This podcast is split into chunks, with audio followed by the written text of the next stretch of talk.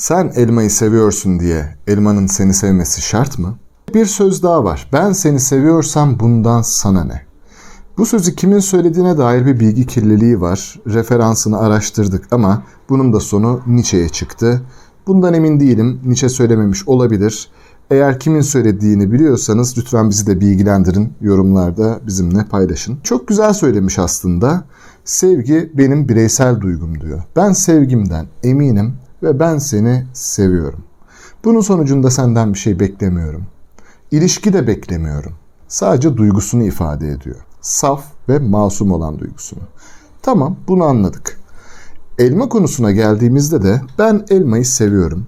Bu sevgimden eminim ve bunu dile getirmişim. Elmanın bu konuda yapacak bir şeyi yok. Ondan bir karşılık beklemiyorum. Bir kısa video çekmiştim koşulsuz sevgiyle ilgili. Biraz yüzeysel bahsettim tabii o videoda ve gelen yorumlar, gelen sorularla bu konuyu birazcık tartıştık. Birazcık daha uzun bunun üstüne konuşmanın faydalı olacağını düşündüm. O yüzden bahsetmek istedim. Tekrar merhaba diyorum. Birazcık daha bu konunun üstüne gidelim. Koşullu ve koşulsuz sevgi konusunda şöyle bir ayrıma varabiliriz. Bir duyulan sevgi, sevgi duygusu var. Bir de ilişki yaşamak var. Hangisinden başlayalım?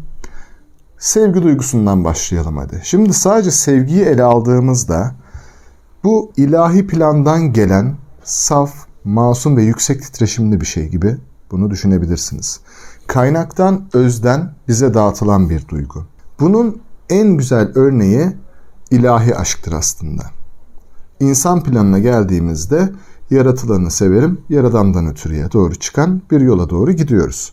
Kendini sevmek de aslında buna dahil. Koşulsuz kendini sevmek yine yaradanın bir parçası olduğumuz için kendini sevmek. Aslında bu koşulsuz sevgi beklentilerden uzaklaşmış ve kabulleniş, teslim olmakla harmanlanmış bir sevmek gibi. Biz bir şeyi beklentisiz seversek orada aslında koşulsuz bir sevgi ortaya çıkıyor. Belli koşullara bağlı olmadan. ilahi aşkı, yaradana karşı olan aşkı düşünelim. Eğer bana bunları verirsen, bana bunları yaparsan ben seni sevmeye devam edeceğim. Ama bunlar olmazsa ben yaradan olarak seni sevmeyeceğim gibi bir aşk tanımı olabilir mi? İşte bundan bahsediyorum. Bir çiçeği sadece yaratıldığı için ve kendinle aynı, aynı moleküllerden oluştuğu için aslında senle onun aynı olduğunu kabul ederek birlik düşüncesiyle, teklik bakış açısıyla düşündüğünde bu duyguyu üst seviyede yaşayabiliyoruz. Kaynaktan, özden, çok yüksek titreşimli olarak bizlere dağıtılan ve bize akan bir duygu olduğunu söylemiştik ya. Bu annelerde de ortaya çıkan bir şey. Bir annenin evladıyla olan ilişkisini burada görebiliyoruz. Çünkü gerçekten çok ulvi bir orada duygu var ve çok yüksek bir titreşim var. Şimdi şunu tartıştık birazcık. Başka bir insana karşı koşulsuz sevgi hissedilir mi? Yani ben birini seviyorum ama bana bunları bunları yaptı, bana kötü davrandı, benim sevgim azalıyor. E ilişkiyi sevgiyle yürütüyorum. Benim ilişkide kabul edemeyeceğim şeyler yapıyor. Benim sevgim yine bitti ve ilişkiyi bitirdim. Bakın insanlar arasında koşulsuz sevginin yansıması bazen olmuyor. Çünkü işin içinde ilişki var. İlişkiye birazcık daha yakından bakmamız lazım. İlişkinin ne olduğunu tanımlayalım. Çok özetle buna bir işlem diyelim. İlişki bir işlemdir. Şunu söylemek istiyorum. Koşulsuz sevgide bu elma ile ben aynıydım. O neyse ben de oydum. Ve onu ben sadece seviyordum ve elmadan bir şey beklemiyordum. Bu yeşil bir elma. Bu kadar. Başka bir beklentim yok. İlişkiye girdiğimizde ne oluyor biliyor musunuz? Madem elmadan gidiyoruz, oradan devam edeyim. Benim kriterlerim ortaya çıkıyor.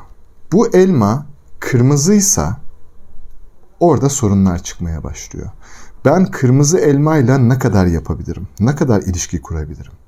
Bu beklenti ortaya giriyor. Ya da ben yeşil olup da ekşi olmayan elma severim olduğu zaman bu elma ilk başta bana tatlı gelse de daha sonra ekşimeye başlayınca orada ilişkim kopabiliyor. Burada tabii ki ilişkileri küçümsemek, ilişkilerde bizim kurduğumuz aşkı küçümsemek, e, bunun anlamını daraltmaktan bahsetmiyorum. İşlem dediğimiz şeyin bazı kuralları vardır, bazı çerçeveleri vardır. Koşulsuz sevgi dediğimiz kavramdan koşullu sevgiye doğru giden bir yolda buluyoruz kendimizi. İlişkilerde bu işlemi gerçekleştirirken beklentiler devreye giriyor. O zaman şöyle özetleyebiliriz. Beklentilerden ne kadar arınırsak o kadar sevgi duygusunu yaşayabiliriz. Duygular sadece gelir ve sadece hissedilir. Devreye mantığımız, çerçevelerimiz girer. İnsanlardan beklentilerimiz girer. Bugüne kadar aldı, aldığımız yaralar, çektiğimiz acılar, aldatılmalar, tüm yaşadıklarımızla beraber bir beklenti oluştururuz ve bu beklentimiz karşılığında hayal kırıklıklarına uğrarız. Beklentimiz olmazsa karşı tarafın yaptığı her şey bizim için iyidir. Dolayısıyla beklentimizi düşürürsek sevgi duygusunu daha fazla yaşayabiliriz. Sevgi içinde birçok şey barındırır. Yani salt sevgi hissetmek çok üst bir mertebe. Bunun içinde bir insana olan duygudan bahsediyorum. Hayranlık olabilir, saygı olabilir, şefkat olabilir, merhamet olabilir. Tüm bunların harmanı olabilir. Ha bir de şu var. Duygular birbirinin önüne geçebiliyor. Mesela acıma duygusu merhametin önüne geçebilir ya da acıma duygusu sevginin önüne geçebilir. Birazcık nefret ve kızgınlık vardır ama sevgi bunların önüne geçer. Son olarak bir de şunu söyleyeyim. Duyguları, o duyguların getirdiği hazzı anlarda yaşıyoruz. Hani hayat anlarda gizlidir deriz ya.